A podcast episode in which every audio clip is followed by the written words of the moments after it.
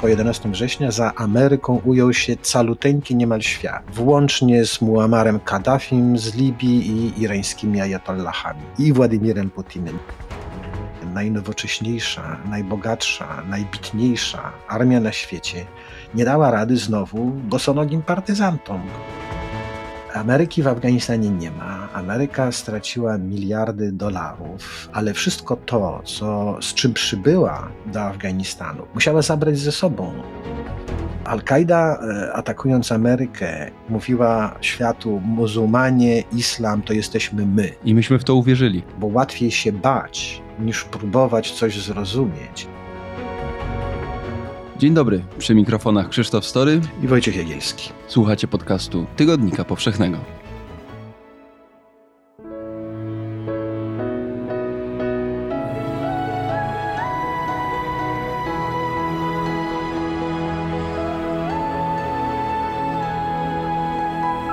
Podcast powszechny.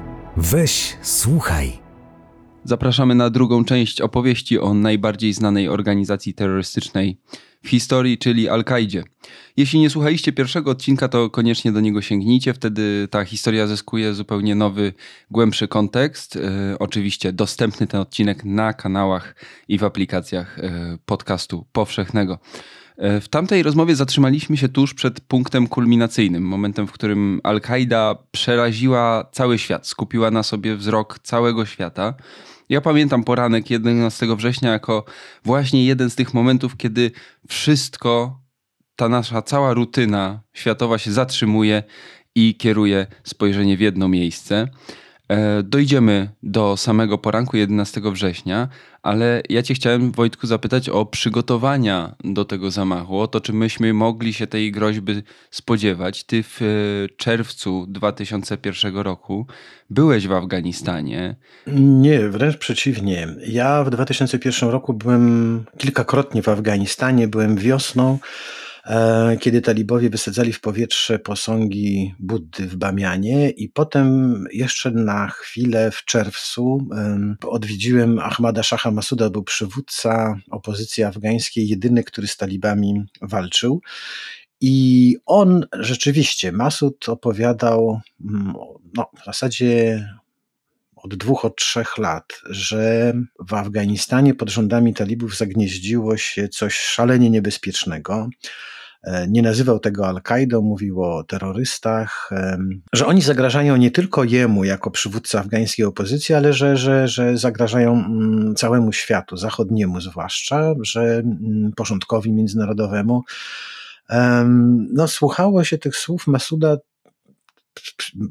mimowolnie mm, wprowadzając jakieś poprawki, bo to był lokalny konflikt. Masud e, jakby nie był znany w świecie i popularny, wciąż był tylko lokalnym politykiem i komendantem. Wydawało się wszystkim, że on mocno przesadza, usiłując zwrócić uwagę świata na siebie i wymóc na Zachodzie pomoc, której się spodziewał, bez której nie mógł z tymi talibami walczyć. Więc wydawało nam się, że on straszy.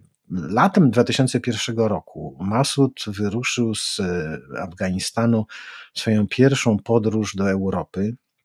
Był goszczony w Parlamencie Europejskim bodajże, wygłaszał przemówienia, spotykał się z europejskimi politykami, powtarzając te swoje ostrzeżenia, że w Afganistanie mm, wyległ się potwór, który, który y, będzie oznaczał śmiertelne zagrożenie dla wszystkich też jakby go nie słuchano. Bardziej, mm, bardziej zwracał uwagę na, jako, jako legendarny komendant, y, przybysz z jakiegoś egzotycznego Orientu. Chętnie rozprawiano o jego walce z armią radziecką, ale tych ostrzeżeń poważnie nie, nie, traktowano. Ja zresztą wcześniej mm, wiosną byłem w Afganistanie, byłem w Kabulu i na terenach no, w Afganistanie, którym rządzili talibowie.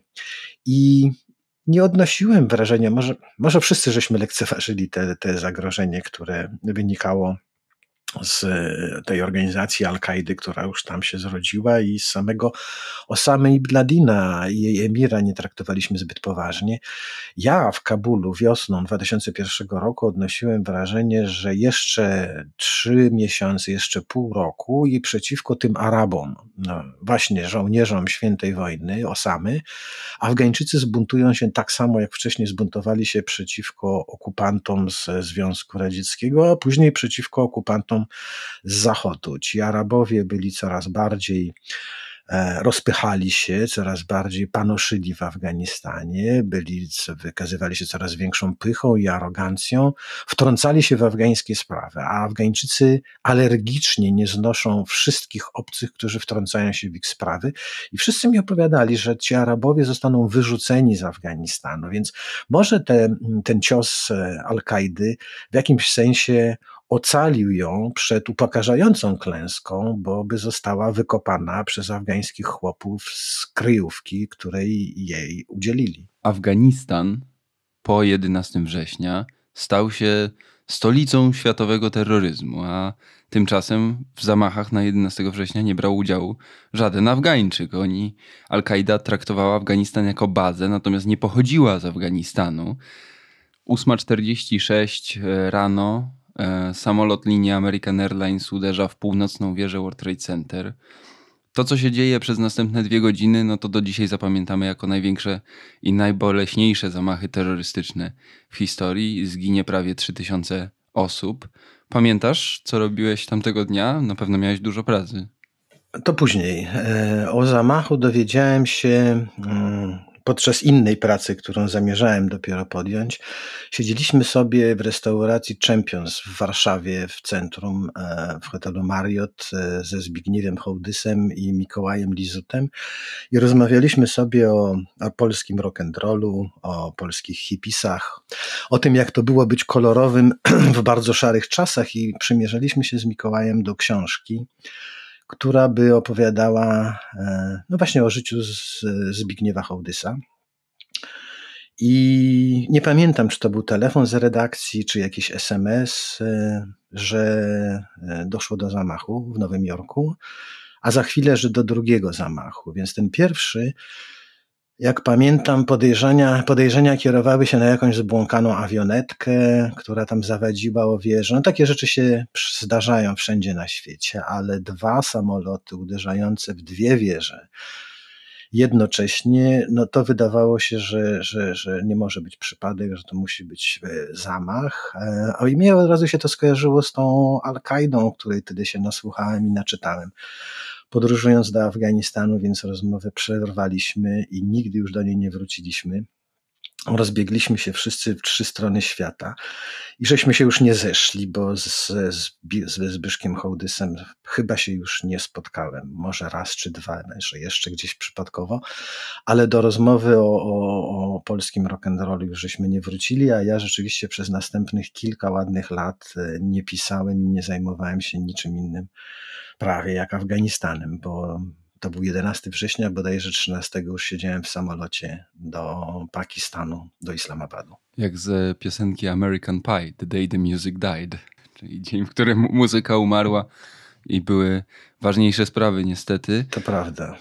Mówiliśmy w pierwszym rozdziale tej historii o tym, dlaczego i że Ameryka jest dla, była dla Al-Kaidy tym szatanem numer jeden. Szatanem największym, największym wrogiem ale jak to się stało, że grupa ex-weteranów y, wojny afgańskiej, y, wspierana przez, y, czy przyciągająca pod swoje skrzydła jakichś zbłąkanych ludzi, którzy, których pociąga idea dżihadu, jest w stanie przeprowadzić taką operację, jest w stanie zagrozić największemu mocarstwu na świecie i to jeszcze uderzyć w taki symbol kapitalizmu w symbol tego systemu. To oni te dokładnie, bardzo pieczołowicie i drobiazgowo te cele sobie wynajdywali. A nie przypadkiem Ameryka, bo rzeczywiście ten porządek międzynarodowy, ona jest strażniczką, czy też żandarmem tego i największą beneficjentką tego porządku międzynarodowego, który wciąż y, panuje.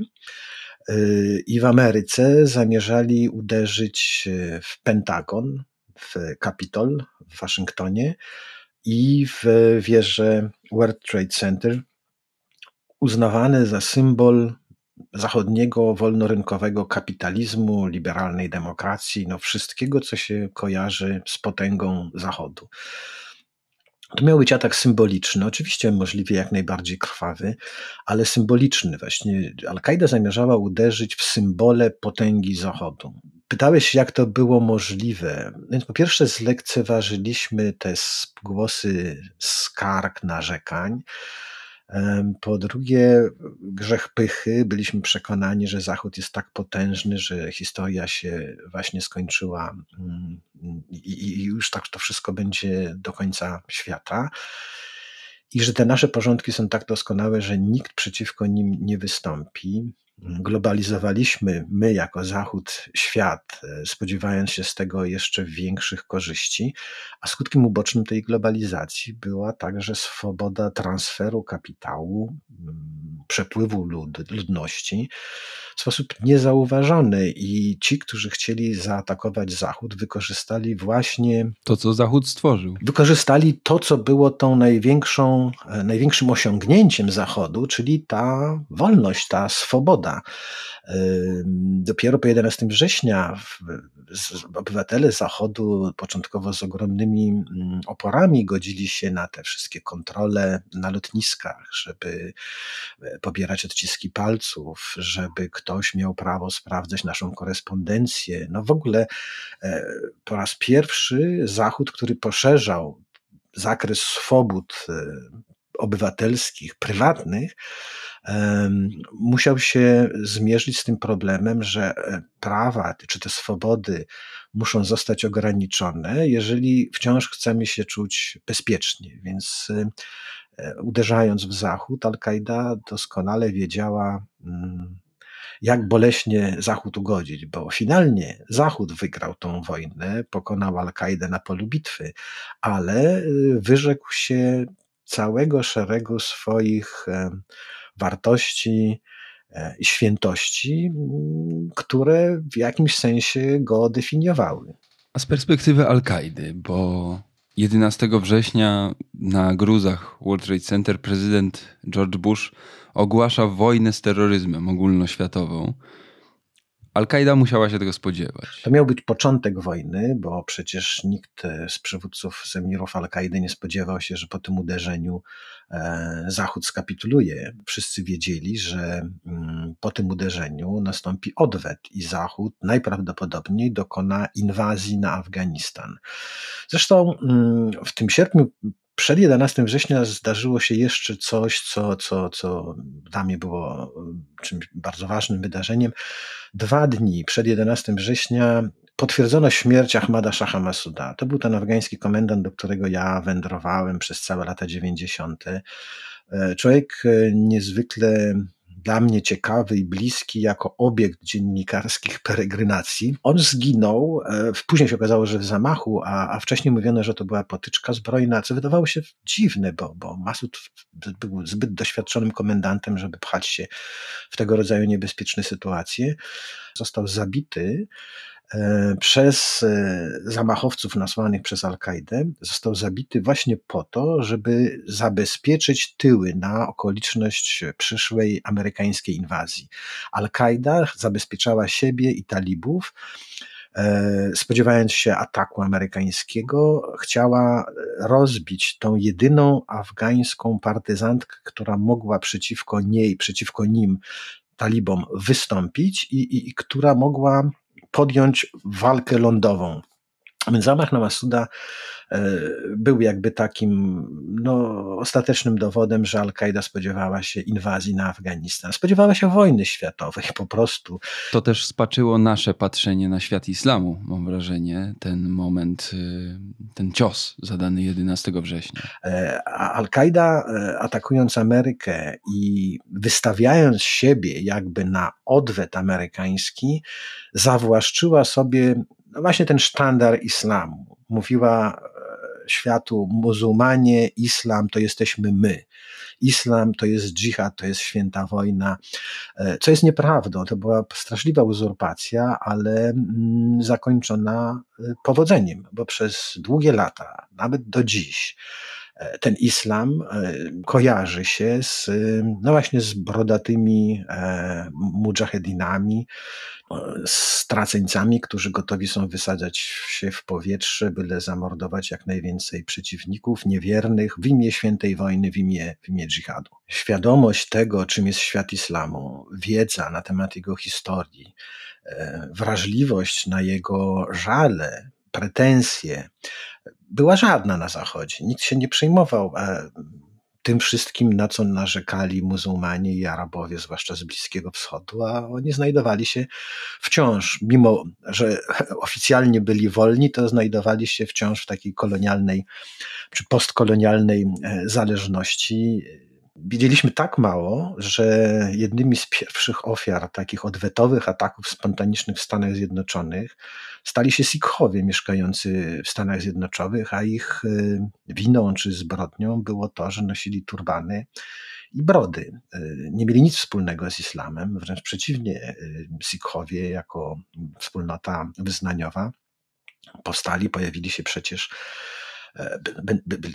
jakby wskutek tego konfliktu między hinduizmem i islamem e, w Indiach, a tutaj e, byli ofiarą tych pierwszych ataków odwetowych. Ludzie odpowiedzialni za te zamachy no wiedzieli, że, że nastąpi odwet po takim ciosie. Na co oni do końca liczyli? Czy oni liczyli na zwycięstwo w tej wojnie i jak to zwycięstwo tak naprawdę miałoby wyglądać. Bo tak... tak jak dziś. Liczyli na, na to, że mm, Zachód, czy też sama Ameryka, trzymali kciuki, żeby to była sama Ameryka. Chyba nie spodziewali się aż takiej solidarności międzynarodowej, bo po 11 września za Ameryką ujął się caluteńki niemal świat włącznie z Muammarem Kaddafim z Libii i irańskimi ajatollahami i Władimirem Putinem. Nikt, nikt nie powiedział, nie odmówił Ameryce prawa do odwetowego ataku na, na Afganistan, ten biedny Afganistan przypadkowy, który udzielił gościny Al-Kaidzie, bo rzeczywiście, tak jak powiedziałeś, wśród zamachowców nie było ani jednego Afgańczyka. I w ogóle do, do jesieni 2001 roku e, takie zjawisko jak samobójcze zamachy były, było w Afganistanie nieznane całkowicie obce. To pragmatyczne podejście do życia Afgańczyków, czy może to, że całe ich istnienie sprowadzało się do próby przetrwania, sprawiało, że oni e, na, na, na, na samobójcze zamachy e, były im czymś tak szalenie obcym, że, że, że w ogóle nie wyobrażali sobie, że można w taki sposób prowadzić wojnę. Dopiero później się do tego przekonali, ale nawet w ostatnich latach wojny z Ameryką tych zamachów dokonywali głównie uchodźcy e, afgańscy z Pakistanu, a nie, a nie sami Afgańczycy. Więc y, Al-Kaida spodziewała się oczywiście tego odwetu i przygotowywała się do inwazji amerykańskiej. Wielu z komendantów, e, no, tych głównych emirów, e, no, schowało się też się schowało dobrze, bo Osama, pościg za Osamą, czyli celem numer jeden, zajął Amerykanom 10 lat. Zastępca Osamy, Ayman Zawahiri, no, zginął dopiero niedawno. I gdzie? No, w Kabulu, który Amerykanie właśnie opuścili. Wiesz, ale mówisz o tym, że im się udało schować. Ale to co jest co innego niż mieć nadzieję na wygranie wojny. Ta wojna nie miała być wygrana. Al-Kaida nigdy nie stawiała sobie takiego celu, że ona pokona Amerykę. Ona zamierzała rozbić porządek międzynarodowy, który Zachód stworzył. To, jak świat został urządzony i w jakimś sensie jej się to udało, bo liczyła na to, że tak jak afgańskim mujahedinom, którym ci arabscy ochotnicy pomagali w latach 80., udało się tak bardzo wykrwawić armię radziecką, że Rosjanie wycofali się po 10 latach z Afganistanu, a wkrótce później rozpadł się Związek Radziecki i upadł komunizm, to samo stanie się z Zachodem, z Ameryką, że Ameryka wyląduje w Afganistanie, ale będzie, będzie się musiała zmierzyć z podobną afgańską wojną na wyczerpanie, na wykrwawienie, nie wygra jej, a każdy, kto w Afganistanie nie wygrywa, przegrywa. I w zeszłym roku, niemalże równo o tej porze, Amerykanie wycofali się po 20 latach z Afganistanu, nie wygrywając afgańskiej wojny, z całą pewnością. Dzisiaj w Afganistanie, w Kabulu rządzą talibowie, czyli ci, którzy zostali przez Amerykanów odsunięci od władzy przed 20, ponad 20 laty, a emir Al-Kaidy, Ayman al-Zawahiri, zginął w Kabulu. mieszkając w jednej z willi zajmowanych przez dygnitarzy z afgańskich władz. No więc Ameryki w Afganistanie nie ma. Ameryka straciła miliardy dolarów. E, no, żołnierzy straciła znacznie mniej, ale wszystko to, co, z czym przybyła do Afganistanu, podobnie jak na Bliski Wschód, musiała zabrać ze sobą. Z tego wysiłku wojennego, z tej inwazji nie zostało absolutnie nic. No więc czy Al-Kaidzie nie udało się mm, pokazać światu, przynajmniej temu światu jej bliższemu, tego, temu, temu, temu niezachodniemu, nie, nie udało się e, ujawnić słabości tej zachodniej potęgi Ameryki, gdyby nie Al-Kaida, Stany Zjednoczone nie zaatakowałyby Afganistanu i nie musiałyby walczyć z talibami, nie musiałyby e, ponieść tej takiej upokarzającej klęski, no bo jednak e, najnowocześniejsza, najbogatsza, najbitniejsza armia na świecie nie dała rady znowu bosonogim partyzantom, którzy przeciwko niej stosowali ten najbardziej zabójczy z oręży, znaczy samobójcze zamachy, przed którymi nikt się nie obroni. Ta asymetryczność była porażająca. Z jednej strony bezzałogowe samoloty, jakieś bomby, sprzęt wojskowy kosztujący miliardy, a z drugiej faceci z karabinami maszynowymi w sandałach albo przepasani trotylem.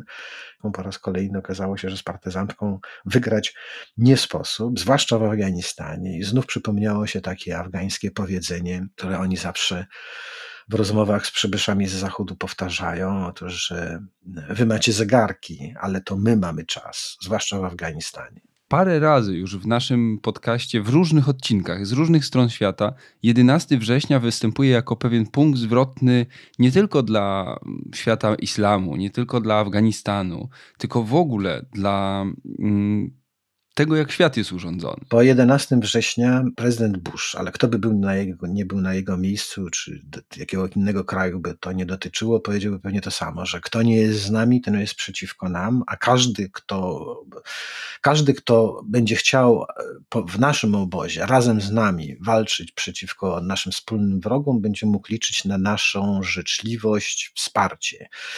Myślę, że ta deklaracja mm, umocniła bardzo dyktatorskie rządy w krajach e, Bliskiego Wschodu, Azji, Afryki, e, umocniła tych dyktatorów, którzy taktycznie opowiedzieli się po stronie Zachodu.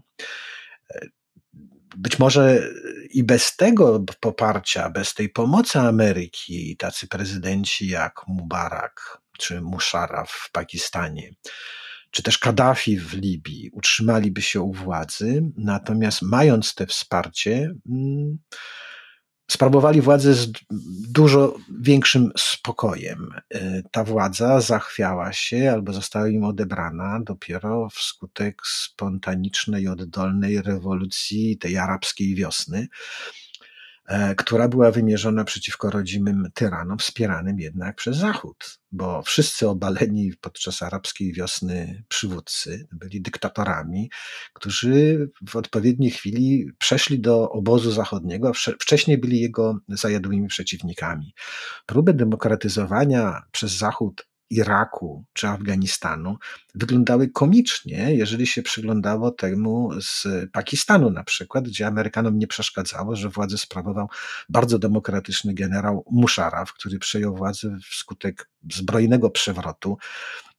Więc e, dobry był wojskowy tyran, który zamiast chodzić na co dzień w generalskim mundurze zakładał elegancki garnitur, ale nie był dobry ten, był dobry pod warunkiem, że, że, że, że był po naszej stronie, więc to zakłamanie z całą pewnością e, podważyło też wiarygodność tych zachodnich argumentów e, w całej reszcie świata, która nie była Zachodem.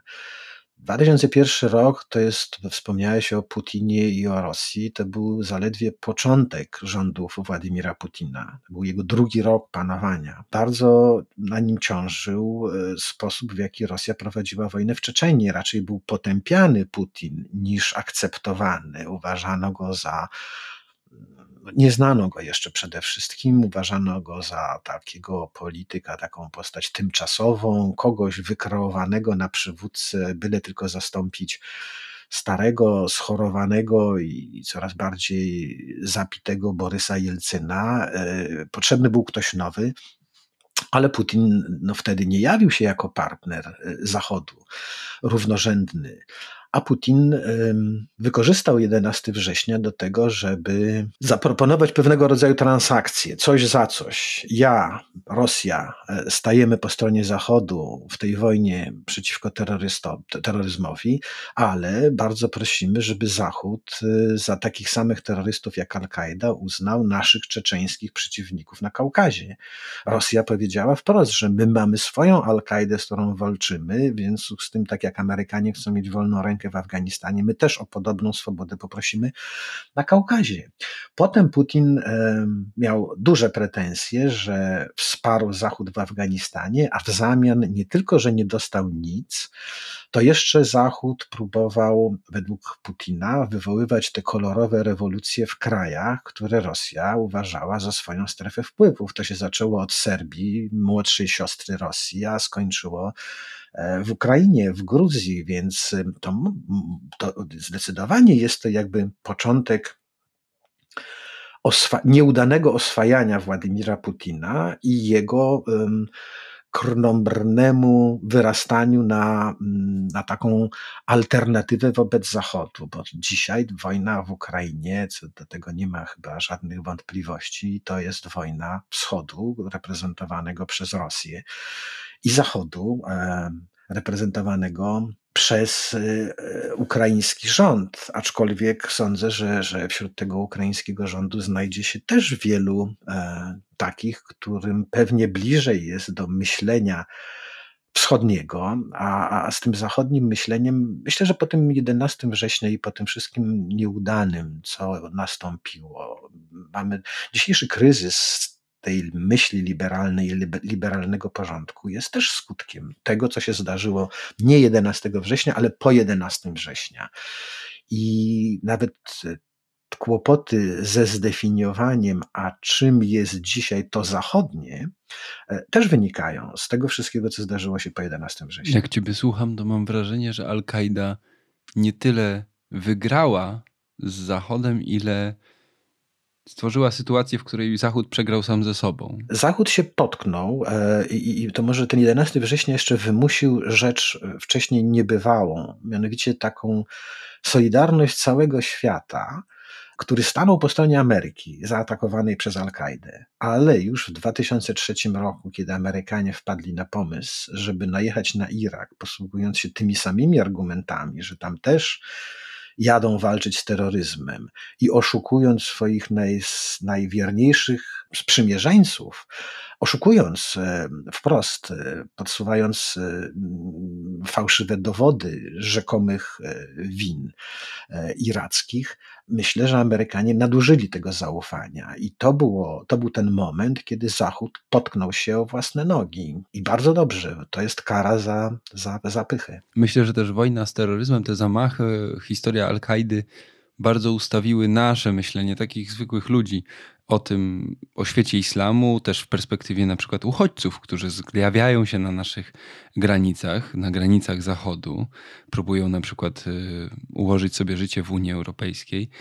I to myślę też jest jakaś nasza porażka. Ogromna, ogromna. To jeszcze raz chciałem tylko podkreślić, że celem Osamy, celem Al-Kaidy było przekonać świat, zwłaszcza świat muzułmański, że islam to on, islam to Osama, islam to Al-Kaida. I myśmy w to uwierzyli. I myśmy w to uwierzyli, chociaż dla wszystkich muzułmanów jest to oczywista nieprawda. E, a myśmy, myśmy dali się przekonać. E, może właśnie ta psychoza strachu, bo łatwiej się bać niż próbować coś zrozumieć i łatwiej obsadzać w roli wroga wszystko i każdego, kto jest nieznany, niż spróbować go poznać i przekonać się, że to z jego strony nie wynika aż takie zagrożenie, że na każdego, który nosi brodę, ma ciemniejszą skórę i modli się w taki, a nie inny sposób, a w uniesieniu duchowym woła Allahu Akbar, my widzimy terrorystę, który chce nas zabić. A Allahu Akbar jest tyle znaczy, co Bogu niech będą dzięki. Kiedy my to wołamy w kościele czy podczas modlitwy, e, nikt z nas nie przyszłoby mu do głowy, że, że, że ktoś gdzieś mógłby zrozumieć, że to jest nasze wojenne zawołanie, a tak traktujemy te słowa mm, wymawiane przez, przez muzułmanów. Al-Kaida istnieje dalej. Al-Kaida przetrwała w Afganistanie najechanym przez Amerykanów, choć z pewnymi stratami. Polowanie na Osamę zakończone 1 maja 2011 roku e, operacją Neptune Spear, czyli włócznia Neptuna i trwało 10 lat to polowanie. To nie była yy, prosta rzecz dla Zachodu pokonać, jak mówisz, bosonogich partyzantów. Yy, natomiast Al-Kaida też stopniowo traci na znaczeniu. Śmierć Aymana al-Zawahiriego, następcy Osamy ibn Ladina, jest już dużo mniej znaczącym wydarzeniem e, niż byłaby 10 lat temu. Jakie są późniejsze losy Al-Kaidy już e, po zamachu, po inwazji na Afganistan? E, dlaczego ta nazwa już nie budzi takich emocji, jak budziła kiedyś? Myślę, że przywykliśmy do tej nazwy od kilkunastu lat nie doszło do żadnych wielkich zamachów w Europie na zachodzie przeciwko Zachodowi. Owszem, wylatują w powietrze meczety, rozmaite hotele, gmachy użyteczności publicznej, ale gdzieś, gdzieś tam w świecie, co nas nie przejmuje. Ostatnimi zamachami, y, którymi byliśmy mocno przerażeni, to były zamachy y, na początku lat 2000 w Madrycie, potem w Londynie, potem jeszcze kilka zamachów w Niemczech, we Francji, dokonanych już przez państwo islamskie, ale od tego czasu cisza. Nikt się nie zamachuje na zachód, na zachodzie, w związku z tym czujemy się bezpieczni i ta Al-Kaida gdzieś e, wobec takiej mnogości zagrożeń i, i, strachów e, gdzieś tam zeszła na dalszy plan, a ona rzeczywiście przetrwała. Ma się całkiem nieźle. Lepiej chyba się ma dziś niż e, jesienią 2001 roku. Przegrała bitwę z Amerykanami, bo rzeczywiście już w 2001-2002 roku, korzystając ze wsparcia zwłaszcza wywiadu pakistańskiego, wojskowego, Amerykanom udało się zgładzić lub pojmać większość e, emirów e, Al-Kaidy. Część z nich dalej siedzi w Guantanamo. Więzienie w Guantanamo, gdzie można przetrzymywać ludzi bez e, sankcji prokuratorskiej, bez wyroku, jest kolejnym przykładem, jak Zachód złamał te swoje świętości. Myśmy się do tego też przyczynili, bo pozwalaliśmy, żeby Amerykanie mogli przesłuchiwać i torturować jeńców w Polsce, e, bo amerykańskie prawo na to nie pozwala. Mm, no to zgodziliśmy się, żeby to się odbywało między innymi e, też w Polsce. Te czarne dziury znajdowały się przecież w Polsce. Osama zginął 10 lat, po 10 lat po ataku, Ayman Zawahiri 20 lat po ataku. Musieli się ukrywać przez ten cały czas. Ta konspiracja, to zejście do podziemia musiało wymusić na Al-Kaidzie taki troszkę paraliż działania. Jedynym, jednym z ze sposobów na przetrwanie była właśnie taka głęboka konspiracja, komunikowanie się poprzez kurierów, których za każdym razem zmieniano, żeby nie dojść do, żeby nie doszło do jakiejkolwiek wsypy, a i tak doszło. A drugim, dużo skuteczniejszym sposobem było rozproszenie tej Al-Kaidy. Al-Kaida wyróżniała się spośród wcześniejszych ruchów E, radykalnych właśnie tym, że skupi, scentralizowała rozmaitego rodzaju lokalne ugrupowania dżihadystyczne w jedną strukturę międzynarodową, taką terrorystyczną międzynarodówkę. Zaatakowana przez Amerykę e, poszła w rozproszenie. E, każda z tych organizacji działała u siebie, mniej więcej jedyne, czego od nich oczekiwano, od tych lokalnych chwili, to żeby wciąż ta ich działalność odbywała się w imię Al-Kaidy i według zasad Al-Kaidy. Ale to w zasadzie wszystko. Nikt nie spodziewał się, nikt nie występował drogą służbową o zatwierdzenie prośby o dokonanie jakiegoś zamachu, bo w ten sposób odpowiedź by przyszła za trzy lata yy, i też bez żadnej pewności, że, że kurier w sam, na sam koniec by nie wpadł. Więc siłą rzeczy musiało dojść do osłabienia tej e, centrali.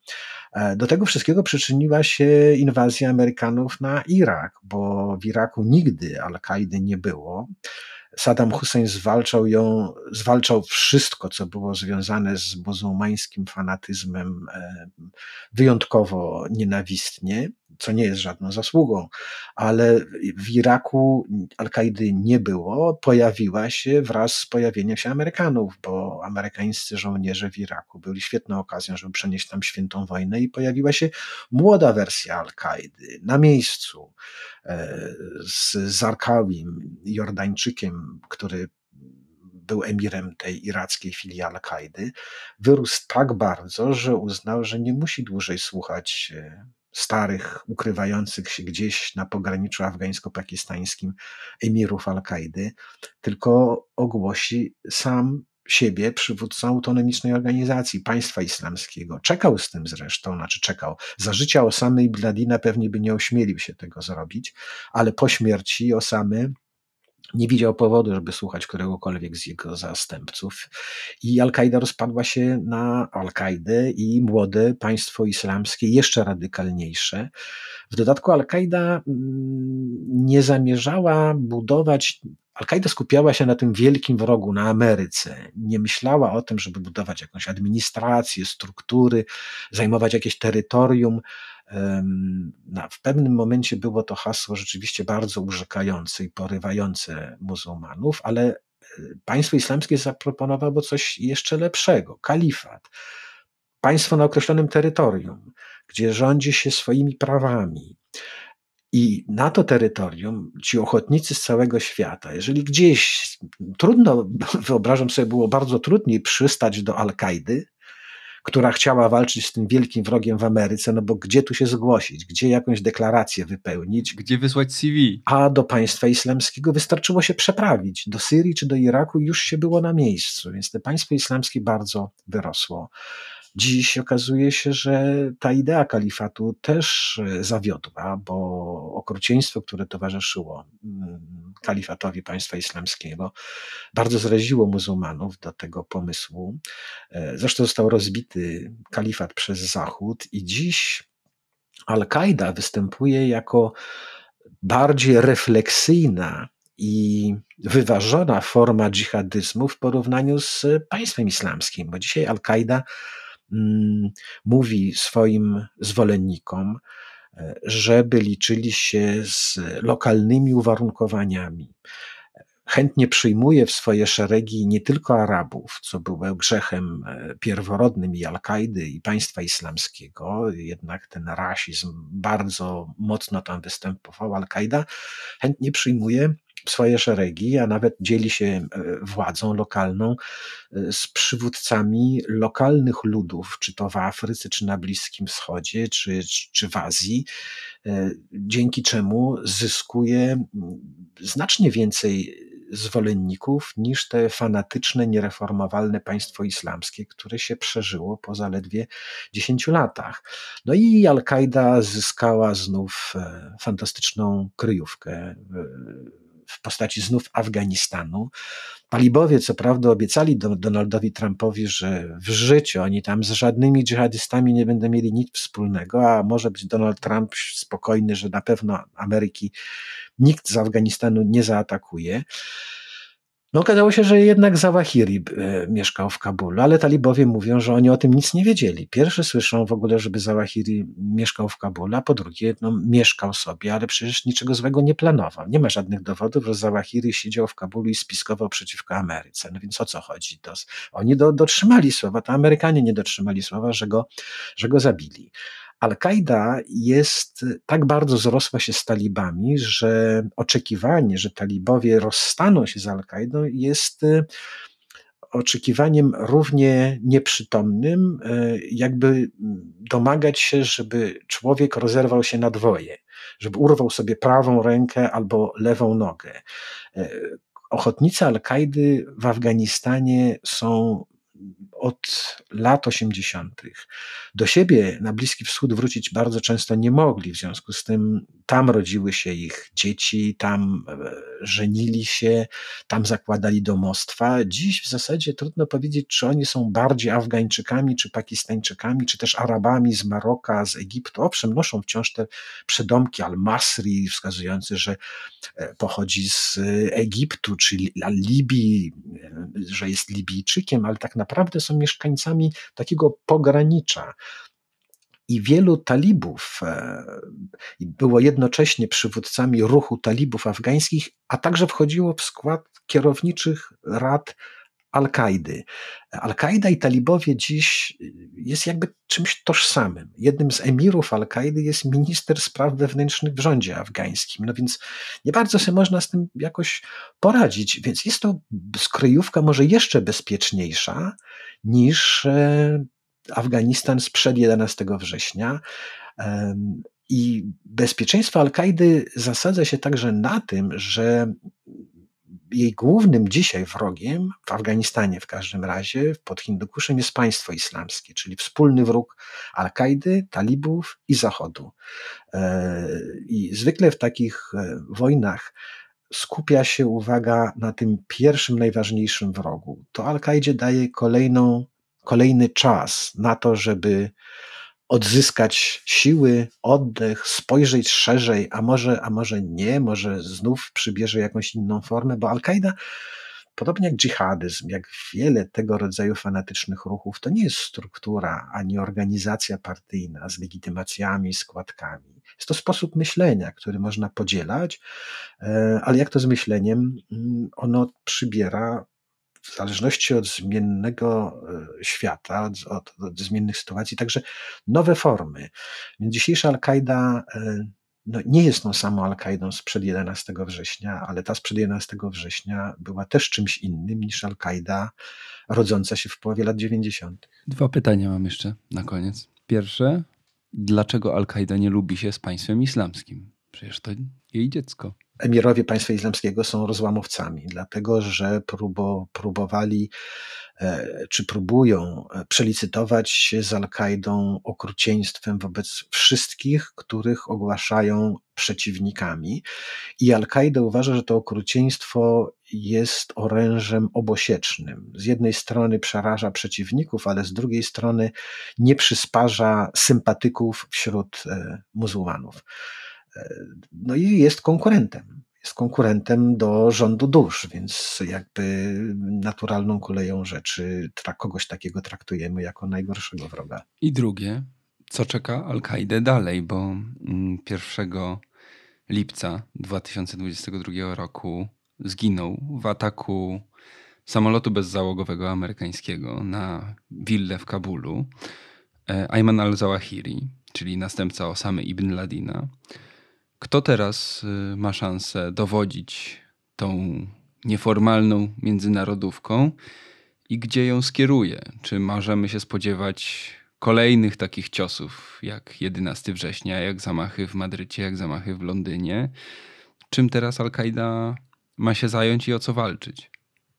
No, Al-Kaida nie sądzę, nie spodziewałbym się mm, tego rodzaju nieszczęść, dlatego że chwilowo zapewne, ale Zachód przestał być tym największym problemem, największym wrogiem i najważniejszym celem Zachodu, e, Al-Kaidy. Al-Kaida znów się zaczęła skupiać na sprawach lokalnych żeby przetrwać, żeby uporać się z tym konkurentem w postaci państwa islamskiego, żeby pomyśleć. E, myślę, że skupi się na tych sprawach lokalnych. Terenem ekspansji będzie przede wszystkim Afryka, Sahel. To, to jest e, to najbardziej perspektywiczne terytorium i możliwość e, zdobywania zwolenników i wpływów. Ale sądzę, że byłoby dla przywódców Al-Kaidy czymś szalenie nierozważnym rezygnacja z takiej kwatery głównej, jaką, jaką jest dziś, czy może być dziś Afganistan. Sądzę, że tym nowym emirem, według mnie, największe szanse ma ktoś, kto jeszcze przetrwał z tej starej gwardii, który, który jest łącznikiem jakby między dawnymi czasami, ale już też tymi nowymi. Obstawiłbym jakiegoś Egipcjanina. Natomiast coraz głośniej mówi się i częściej, że ponieważ ciężar działań zbrojnych i tej ekspansji przenosi się na Sahel, no to nie będzie już czymś nadzwyczajnym, jeśli nowym emirem będzie e, czarnoskóry Afrykanin, choćby e, emir e, sprzymierzonej z Al-Kaidą, znaczy sprzymierzonej, która ogłosiła się filią Al-Kaidy, organizacji somalijskich talibów z Ash-Shabaab, czy też ktoś z emirów z Sahelu. Tak to będzie Al-Kaida przez najbliższe lata mm, sobie działała dopóki nie stanie się coś, co wymusi i na niej zmianę myślenia, zmianę strategii, zmianę taktyki. Świat się stał bardzo nieprzewidywalny i bardzo zmieniający się. Al-Kaida nie zareagowała, albo myślę, że jeszcze teraz e, jednym z zadań dla w ogóle przywódców tego ruchu dżihadystycznego będzie znaleźć nowe miejsce dla siebie w sytuacji, kiedy w świecie e, toczy się zimna wojna znów między wschodem i zachodem, kiedy świat ten zachodni rozpadł się na dwie części i całkowicie się zmienił albo się zmienia. Sądzę, że Al-Kaida będzie się do tego też dostosowywała. I jakie zajmie miejsce, to się dopiero przekonamy. Wspominałeś o ruchach dżihadystycznych na Sahelu, że to jest y, główny teren ekspansji. Jeśli jesteście ciekawi tego wątku, no to rozmawialiśmy o tym podcaście Jagielskiej Historii. W dziewiątym odcinku można dosłuchać i zostać z nami jeszcze chwilę, bo historię Al-Kaidy w tym momencie, przynajmniej na razie, kończymy i obyśmy nie musieli do niej wracać i relacjonować kolejnych tak dramatycznych wydarzeń jak te sprzed 21 lat. To tyle opowieści dwuodcinkowej o Al-Kaidzie. Wracamy do Was za chwilę.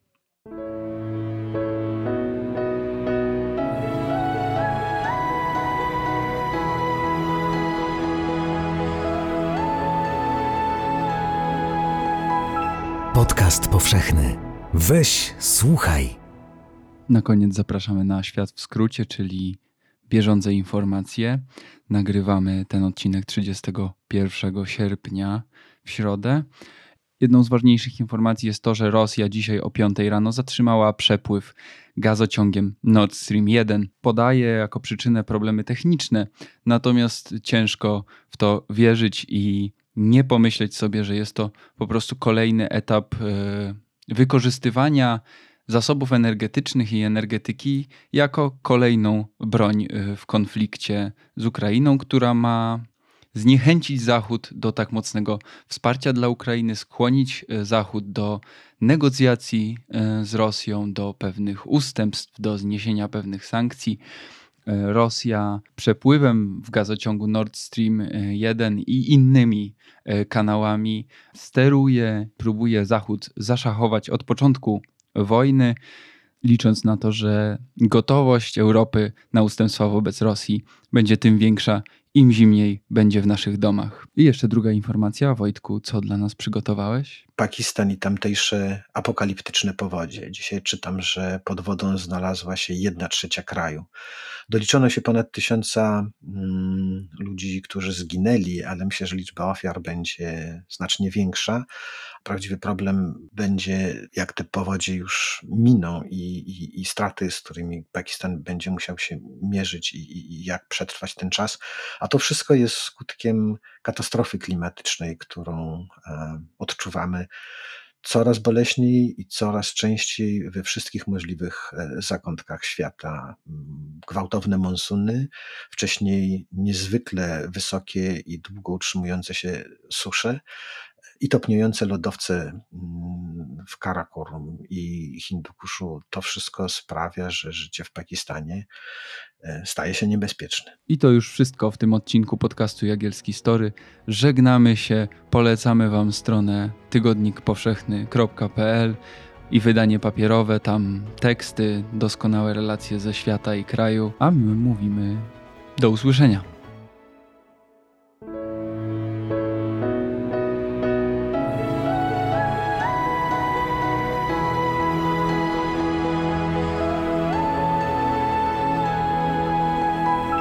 Podcast powszechny. Weź, słuchaj.